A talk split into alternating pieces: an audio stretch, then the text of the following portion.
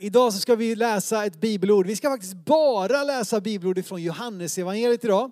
Ehm, och vi ska börja med att läsa de sista verserna i Johannes. Ehm, det, det står ju, jag har väl, eller vad har jag skrivit egentligen? Eh, nej, förlåt mig, inte det absolut sista. Det är näst sista kapitlet, kapitel 20. Johannes 20, vers 30 och 31. Och eh, här så står det så här. Många andra tecken som inte är nedskrivna i denna bok gjorde Jesus inför sina lärjungar. Men dessa har blivit nedskrivna för att ni ska tro att Jesus är Messias, Guds son, för att ni genom tron ska ha liv i hans namn. För att ni ska tro blev dessa ord nedtecknade. Ehm, och eh, det är min rubrik också idag, för att ni ska tro. Och jag tänker, jag säger direkt här, du som är ny till kyrkan, vi gör det här för att du ska tro. Sen så, det är ingen stress, det är ingen press, du kan få ta den tid du behöver, du får komma hit hur länge du vill utan att liksom ta ställning. Men anledningen till att vi finns som kyrka det är för att du ska tro, för att jag ska tro, för att vi ska tro. Och genom tron på Jesus så får vi liv i hans namn. Ehm, jag vet inte hur det är med er, men när man ringer ett telefonsamtal, då vet ni att beroende på vem ni ringer så måste ni komma, komma till sak olika snabbt. Jag vet inte om ni har tänkt på det. Vissa, eh, jag har jobbat lite på detta. Jag är en sån som gillar att gå rakt på sak. Hej, jag har en fråga och så liksom kör vi bara. Men jag har insett att alla människor når man inte fram till på det sättet. Vissa måste man liksom ägna lite tid. Man vet jag behöver 3, 4, 5 minuter vissa 20, liksom, innan vi kan komma till sak. Ehm, men eh, så kan det vara. Ehm, och eh, sen så då är ju liksom eh, den, den, stora livsvisdomen det är ju att kunna avgöra hur länge liksom innan man ska komma till sak. För alla, alla ska vi nog jobba med att vara lite trevliga och vänliga och så inledande och frågor det är med allting och sådär och liksom vara intresserade. Eh, sen så vet du ju det att, att vissa, ja vill du något eller? Sådana kanske ni har. Och andra de kan prata hur länge som helst. Eh, och jag tänker på, liksom, det är lite härligt här. Vad vill du egentligen? Vad vill du egentligen Johannes? Varför har du skrivit ner hela det här evangeliet? Vad är ditt syfte egentligen? Vad är det du vill ha sagt? Ja men då säger han ju det här, för att ni ska tro. Det är hans syfte. Han skriver i sitt evangelium sist av alla de fyra evangelisterna. Det finns ju bara ett evangelium, det är viktigt att säga. Evangeliet om Jesus Kristus, men det finns fyra olika perspektiv i våra fyra olika böcker då. Matteus, Markus, Lukas, Johannes. Och Johannes skriver sitt sist utav alla, eh, ganska långt senare dessutom, och sticker ut lite grann i sin, liksom, hur han bygger upp sitt evangelium, eh, vilka stories han tar med, vissa saker han inte tar med. De tre andra kallas synoptiker, att de ser på samma sätt betyder det ungefär.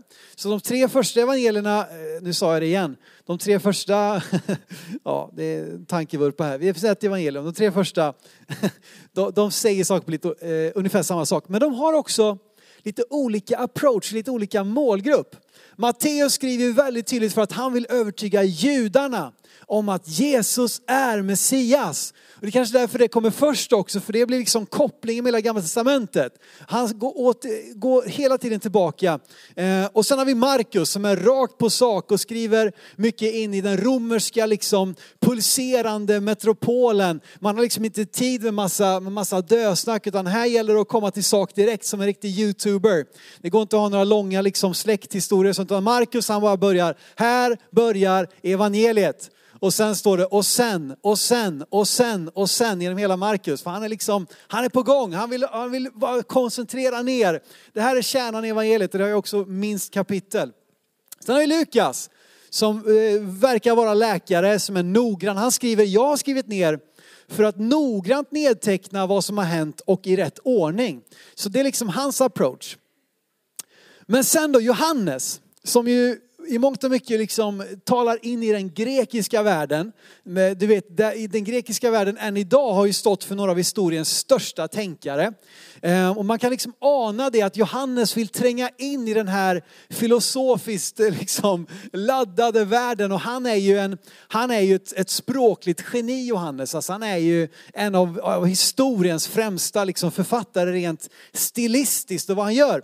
Men jag älskar också att det han säger, hans syfte, att han har byggt upp sitt evangelium så som han har gjort det, det är för att ni ska tro. Det är liksom det, är det han vill säga. Han använder talet sju, det kommer tillbaka, vi pratade om det lite men det finns liksom sju mirakler, det finns, eh, det finns mängder av sådana saker som återkommer. Så Johannes han gör sin bästa för att bygga ett så bra case som möjligt för att ni ska tro. Naturligtvis gör alla, eh, eh, liksom alla versioner av evangeliet detta. Men det är liksom det som hans, det är det han säger. Jag har skrivit detta för att ni ska tro. Det är det som är min mening. Och då blir ju bara frågan så här, vad är det då han säger? Vad är det han presenterar för någonting? Och för att illustrera detta så ska jag få ta fram eh, ett litet bord där med lite mackor. Det var så här att, nu, nu undrar du om jag har tappat det här, men det var så här va, 2013 då, då reste jag runt taxi jättemycket. Kolla, två fina, fina mackor här. Eh, vi ska se här, det är ju ja, det är lite sallad, det är lite skinka, det är lite ost, gurka, tomat och paprika här på en sån här formfranska. Eh, och jag reste runt i USA 2013, åtta veckor och fick förmånen att komma hem till väldigt mycket folk. Eh, och träffa dem och bo hos dem och umgås med dem och sådär. Och då var det ju, du vet att amerikaner älskar sina sandwiches. Har du varit där? Alltså det finns ju, vi har Subway, de har liksom 25 olika Subway. Och kommer du hem till någon så är det ofta så att det blir en riktigt god sån American sandwich. Och då när de ställer fram sina pålägg där, så som en god svensk så gör man ju liksom, man gör ju en enkelmacka, eller hur? Gärna med tvesövla, vet ni vad det är? Det är när man har två pålägg på, det är ett västgötsuttryck, tvesövla. Eh, men när jag gjorde min eh, liksom, eh, enkelmacka där så står de liksom och tittar på mig. Liksom. Vad gör han för någonting? Han gör en open face sandwich. Vad är det liksom? Det, det, vad, vad, vad, vad, håller du på med? Man gör inte en open face sandwich. En sandwich, det ligger väl i, jag vet inte om det ligger i själva namnets betydelse, men en sandwich ska ju, boom, det ska ju vara ett lock på, eller hur? Så är, så är American sandwiches. Så det var intressant att se deras reaktioner. Alltså på flera platser så de bara, vad håller han på med liksom? Vad gör ni i Sverige egentligen? Ja, här gör vi open face sandwiches. Och faktum är att det här kan lära oss någonting om hur vi läser Bibeln. Och nu tror du inte att, att, det, att det, vi hänger med. Men vi är ju väldigt sådana, vi är lite enkelmackiga i vår, i vår läsning av Bibeln. Eh, snart så kommer det klarna här. Men du vet att vi, vi har ju, vi läser ju en text som är att det finns en inledning, sen kommer det lite punkter och så kommer det en slutsats. Så är hela vår förståelse av hur vi läser texter, eller hur? Eh, och vi tänker liksom, okej, okay, här börjar det, sen kommer lite punkter och sen har vi poängen på slutet. Eh, vi läser som en enkelmacka.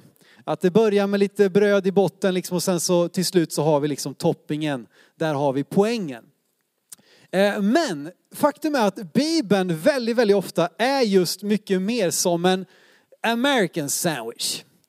Så här eh, är det ofta så vi ska förstå Bibeln. Eh, nämligen att Bibeln använder jättemycket både i saltarna, nu blir jag kladdig här, jag måste ha lite papper här snart. Men, eh, eh sal, eh, flera eh, salmer i saltaren, eh, många olika texter i Nya testamentet. Det är skriven som en sandwich. Vad menas med det då? Jo men som ett X, alltså det kallas för kiasm, är ett grekiskt eh, språkligt uttryck. Här, jag ska torka min, det var så saftig och god här. Det är Dorota som har gjort ordning den här fina mackan. Eh, men ni vet att, att Bibeln är alltså väldigt ofta som ett, som ett X, alltså poängen finns i mitten. Poängen är inte på slutet utan poängen är väldigt ofta i mitten. Så att det har, det har likadan inledning och avslutning och sen så liksom bygger det på. Så man tänker att du skulle hoppa in i nästa vers med ett, ett indrag och så nästa vers ett indrag. Och så här i mitten, där har vi poängen. Där har vi liksom huvudpoängen och sen så bygger det tillbaka. Eh, det kallas för kiasm då. Eh, ett väldigt, väldigt välkänt uttryck, JFK, han sa så här, Don't ask what your country can do for you, ask what you can do for your country. En, tyd, en tydlig kiasm. Ser ni det? Jag har bett dem få, de sa det är inte så snyggt Simon att byta färger här men jag sa att de gör det i alla fall för det är min poäng här. Ser ni, det börjar och slutar med det gula, your country. Och sen så har vi eh, eh, det röda, can do. Och sen har vi eh, you, det är liksom poängen. Det är vad du kan göra. En tydlig kiasm. Don't ask what your country, your country can do. Eh, och så you i mitten. Hängde ni med? Alltså det här Simon, jag fattar ingenting nu men och nu ska vi läsa då ett, en text här. Nu läste vi i slutet på Johannes, nu ska vi läsa i början på Johannes. För i början av Johannes har vi 18 superspännande verser som kallas för Johannesprologen, alltså hans inledning eh, som är så briljant. Du vet att Lukas han går tillbaka till till, eh, till Adam va, i, sin, i sin släkttavla. Matteus går tillbaka till Abraham och Johannes han börjar i evigheten. På tal om att vända sig till lite mer filosofiskt tänkande.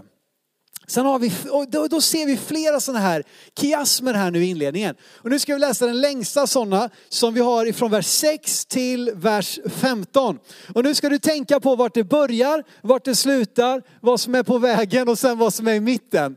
Eh, alltså det, det kommer klarna här så småningom.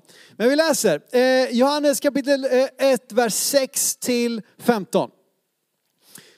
Det kom en man, eller vi gör så här förresten, vi läser faktiskt, vi hoppar lite här nu. Vi börjar i vers 6, så läser vi till 8. Det kom en man sänd av Gud, hans, hans namn var Johannes. Han kom som ett vittne för att vittna om ljuset, för att alla skulle komma till tro genom honom. Själv var han inte ljuset, men han kom för att vittna om ljuset. Nu hoppar vi ner till vers 15. Hänger ni med nu? Nu hoppar vi ner till vers 15. Johannes vittnar om honom och ropar, det var om honom jag sa, han som kommer efter mig är före mig, för han var till före mig. Här har vi alltså brödskivan här nu i den här kiasmen. Nu hoppar vi in till nästa lager här och så läser vi ifrån vers 9. Det sanna ljuset, alltså det, den första delen var Johannes vittnesbörd. Nu kommer vi till nästa del som går in mot centrum. Vers 9, Jesus kommer till världen här. Det sanna ljuset som ger ljus åt alla människor skulle nu komma in i världen. Han var i världen och världen hade kommit, eh, blivit till genom honom. Men världen kände honom inte. Han kom till det som var hans eget och hans egna tog inte emot honom. Sen läser vi vers 14. Eh, också om Jesus då. Och ordet blev kött och bodde bland oss och vi såg hans härlighet. Den härlighet som den enfödde har från Fadern och han var full av nåd och sanning. Och nu är vi framme mot centrum. Eh, nu är vi framme mot huvudpoängen, nämligen vers 12 och 13. Det är liksom centrum i Johannes kiasm här. Eh, det står så här, men åt alla som tog emot honom gav han rätten att bli Guds barn, åt dem som tror på hans namn. De är inte födda av blod eller av köttets vilja eller någon mans vilja utan av Gud. Eh, så här har vi liksom centrum i, i det här budskapet som han lägger fram här i de här verserna. Och om du ser det nu då, vi får fram de här tre olika delarna eh, framför er. Det var alltså först Johannes, det börjar och slutar med Johannes vittnesbörd. Eh, och i mitten, eller det, sen kommer Jesus som kommer till världen i vers 9, 11 och vers 14. Och så har vi centrum, poängen, huvudbudskapet att genom tron blir man Guds barn i vers 12 och 13. Alltså en American sandwich, ingen open-faced sandwich här. Alla svensk macka. Ehm, så ha med dig den tanken här nu. Och på det här sättet, det här kan öppna upp dig. Jag ska bara få visa det här. Du som tycker att det där verkar intressant, då ska du skaffa dig svenska kärnbibeln. Den är så här tjock för att bara Nya Testamentet. Ehm, men den visar det här i sin bibelöversättning. Jag tror lite grann ser man det i bibelappen på mobilen. Men liksom då ser man de här mönstren så kan man läsa många delar av Bibeln på ett nytt sätt där man förstår vad som är poängen. Vi är ju lite skadade ibland av våra versar och kapitel och tänker att, att, att det är liksom så författarna skrev det, men det var ju inte det. Så där har ni i alla fall. American Sandwich. Och i allt detta så vill alltså Johannes att vi ska tro. För att ni ska tro. Och nu vill jag bryta ner ytterligare här nu då, vers 12. Men åt alla som tog emot honom gav han rätten att bli Guds barn, åt alla de som tror på hans namn. Och så fortsätter sen då Johannes sitt evangelium med att berätta och förklara och beskriva. Och han gör det så jättemycket genom att, att Jesus möter olika människor. Genom att visa hur Jesus möter olika människor så får vi lära oss en massa saker. Eh, och, och det är det som också är grejen, att det handlar ju om människor. Det handlar om dig, det handlar om mig, att allihopa vi som sitter här, alla människor som har fötts och tagit sitt andetag på den här planeten, har Gud en plan för, har Gud en vilja att ni ska tro.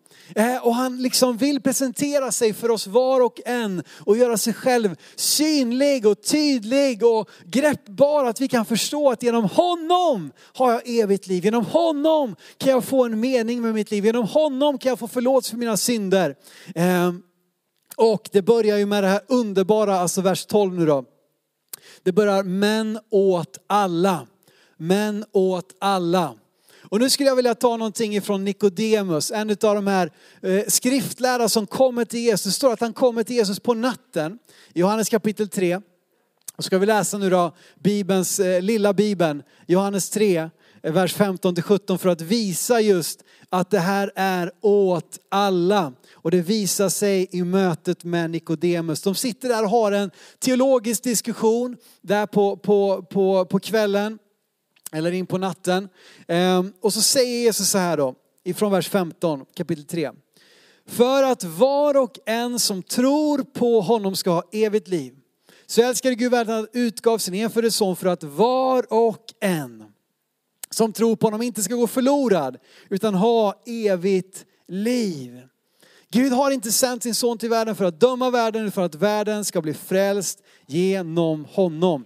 Men åt alla var och en.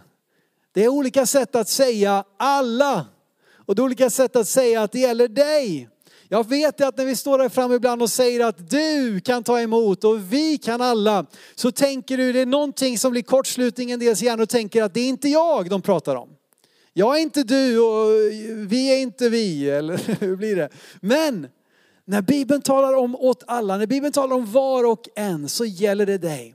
Det gäller dina vänner, det gäller dina klasskompisar, det gäller den som du har jobbigt med och samarbetar med på jobbet. Det gäller din chef, det gäller din moster, det gäller din syster, det gäller din kusin. Det gäller alla flyktingar som kommer hit till Sverige just nu. Det gäller alla som, som, som eh, lider ute i världen. Åt alla. Det här är evangeliet. Det här är kärnan i det, att det är åt alla. Och sen kommer våran del. Erbjudandet är öppet och fritt. Det läggs upp på ett bord, det läggs upp på liksom, här är det. Här är det, genom Jesus Kristus så läggs det här erbjudandet fram på bordet som en underbar dubbelmacka. Och bara säg varsågod, hugg in, ta för dig. Men sen kommer en viktig poäng åt alla som var då, som tog emot honom. Och här kommer ju det egna valet, det egna beslutet kommer in som tog emot honom. Det var bara åt dem som rätten ges som vi sen ska komma in på. Och det här är intressant, då för läser vi vidare i kapitel 4 så där möter Jesus en samarisk kvinna Ja, och det finns så mycket man kan säga om det här, vi ska inte lägga ut det just nu. Men den här samariska kvinnan i alla fall, i samtalet med Jesus så bara inser hon att det här är Messias. Det här är den vi har väntat på, det här är den vi har längtat efter. Och på grund av det Jesus gör för henne så går hon in i sin stad. Från att ha skämts, från att ha varit utstött, en äktenskapsbryterska eller som har haft flera olika män, olika kortvariga relationer, liksom lite, såg lite snett på i samhället. Så går hon in i staden. Och då ska vi läsa från vers, eh, kapitel 4, vers 39-42. Där står det då så här att, att många samarier från den staden kom till tro på honom genom kvinnans ord när de vittnade. Han har sagt mig allt jag har gjort. Och sen står det att ifrån vers 41, många fler kom till tro på grund av hans ord. Och de sa till kvinnan, nu tror vi inte bara på grund av vad du har sagt, utan vi har själva hört och vi vet att han verkligen är världens frälsare. Här var en stad, en grupp människor som på grund av samariska kvinnans vittnesbörd, de tog emot honom. De sa sitt ja. De, sa, de svarade ja, vi vill ha detta. Vi, vi, vi ser att det här är på riktigt. Vi säger vårt ja till Jesus. Och man tänker att det borde väl alla göra. När de ser vad Gud gör, när de ser vad han har gjort i människors liv, när någon kanske vittnar om vad Gud har gjort i deras liv, då borde väl alla ta emot honom. Det är ju för bra för att vara sant nästan det här erbjudandet. Men alla tog inte emot honom. Vi går fram till nästa kapitel. Här har vi en lam man, eller en sjuk man som sitter vid Betesda-dammen. Han har varit sjuk i 38 år. Och Jesus gör honom frisk, Jesus botar honom. Och då ska vi läsa från Johannes 5, 15 till 18. För det var inte så att alla tog inte emot honom. Alla tog inte det här erbjudandet och det är det som är så tragiskt, sorgligt. Men det står där i alla fall att utifrån hans vittnesbörd då, från vers, eh, kapitel 5, eh, vers 15. Mannen gick då och berättade för judarna att det var Jesus som hade gjort honom frisk. Därför började judarna förfölja Jesus. Eftersom han gjorde sånt på sabbaten. Han gjorde alltså ett mirakel på fel sätt. Du får hela men inte på fel tidpunkt, inte på fel sätt, inte på fel plats, inte med fel teologi. Eh, men Jesus sa till dem, min far verkar fortfarande och därför verkar även jag.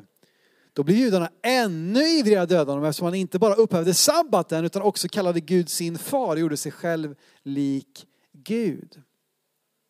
Den samariska kvinnans vittnesbörd ledde till att en hel stad tog emot Jesus. Den lame mannens vittnesbörd gjorde att en hel grupp började förfölja och, och ville liksom rent av döda Jesus. Så det hänger på dig och mig att vara de som tog emot honom. Som tog emot honom. Vad gör han med de som tar emot honom? Vad gör han med dig och mig när vi tar ett steg i tro?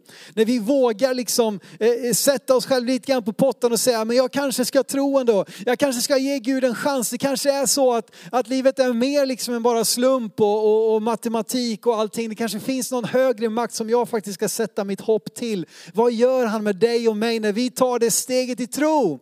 När vi liksom kliver ur båten, när vi gör någonting som är obekvämt. Då står det gav han rätten. Gav han rätten. Det är underbart. Han ger oss rätten. Ingen av oss har rätten. Ingen av oss kan förtjäna rätten. Men Jesus, alltså det här är så goda nyheter. Han ger dig och mig rätten utifrån sin obeskrivliga kärlek ifrån sin nåd, ifrån sin godhet. Och vi ser det då i Johannes 8. Ser ni här, här så möter Jesus äktenskapsbryterskan en till. Men den här gången så var människorna omkring, de var, de var ivriga nu att få stena henne på grund av hennes brott som var liksom föreskriften i den, den tidens lag. Och de, de, de går dit med den här kvinnan och så ställer de henne inför Jesus för de vill att Jesus antingen ska gå med på att stena henne och på det sättet framstå som en, som en osympatisk människa. Eller att han ska säga att de inte ska göra det på det sättet då förneka liksom Mose lag. Så de försöker ju sätta dit Jesus, men Jesus han är briljant. Eh, och i alla fall så slutar det med att ingen av dem stenar henne på grund av vad Jesus säger i den situationen. Och så hoppar vi in nu i vers 7 i kapitel 8. I ett nytt möte med en ny människa som Jesus leder till tro på sig själv. Ehm, och det står ju så här då från vers 7. När de fortsatte fråga honom reste han sig och sa, den av er som är utan synd kan kasta första stenen på henne. Sen böjde han sig ner igen och skrev på marken. När de hörde detta började de gå därifrån en efter en, de äldste först. Han blev lämnad ensam kvar med kvinnan som stod där. Jesus reste sig upp och sa till henne, kvinna var är de? Har ingen dömt dig? Hon svarade nej herre, då sa Jesus, inte heller jag dömer dig. Gå och synda nu inte mer. Han vet vad hon har gjort. Han vet vad du och jag har gjort. Och han vet att det är, alltså synden har en konsekvens. Synden förtjänar en konsekvens.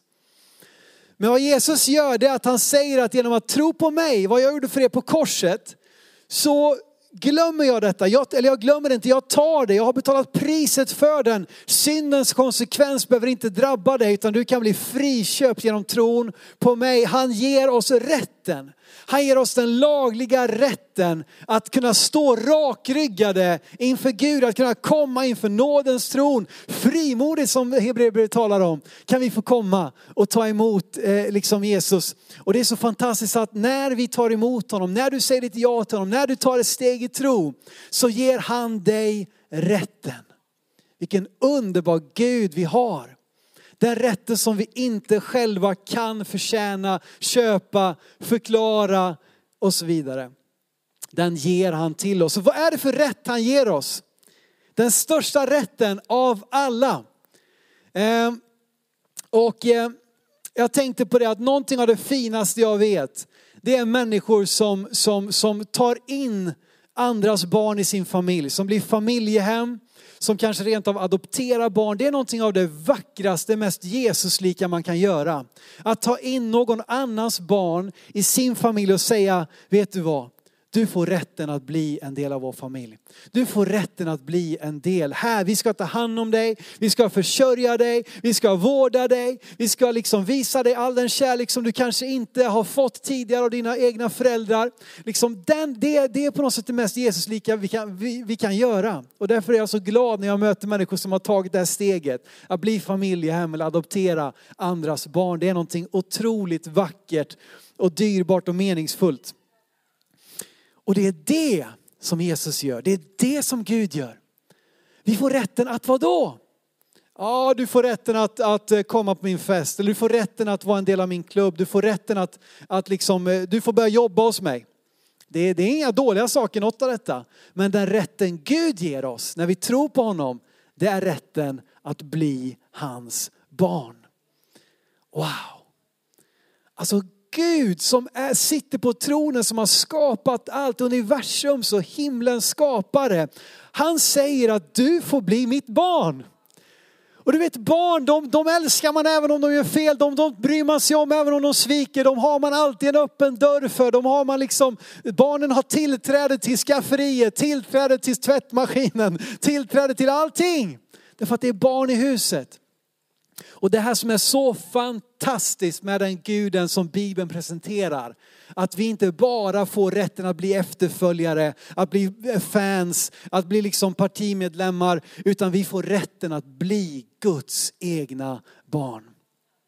Och det är det här som Nikodemus, vi ska hoppa tillbaka till honom, för Nikodemus han är ju en lärd man och de sitter och diskuterar teologiskt. Och Jesus talar om just detta, att det som jag vill göra i människors liv, det är att de ska få bli födda på nytt, att de ska få bli barn till Gud. Och om vi inte blir det, om vi inte blir födda på nytt, då kan vi inte heller tillhöra Guds rike. Så vi hoppar tillbaka till samtalet med Nikodemus från Johannes kapitel 3 och vers 5 till 7. Och i det här samtalet säger Jesus Jesus svarar, jag säger det i sanningen. Den som inte blir född av vatten och ande kan inte komma in i Guds rike. Det som är fött av köttet är kött och det som är fött av anden är ande. Var inte förvånad över att jag sa att ni måste födas på nytt. Och Nikodemus han har svårt att förstå det här. Vadå, ska vi, ska vi på nytt gå in i vår mammas moderliv? Nej, det ska vi tack och lov inte göra. Utan det handlar om att din ande blir pånyttfödd.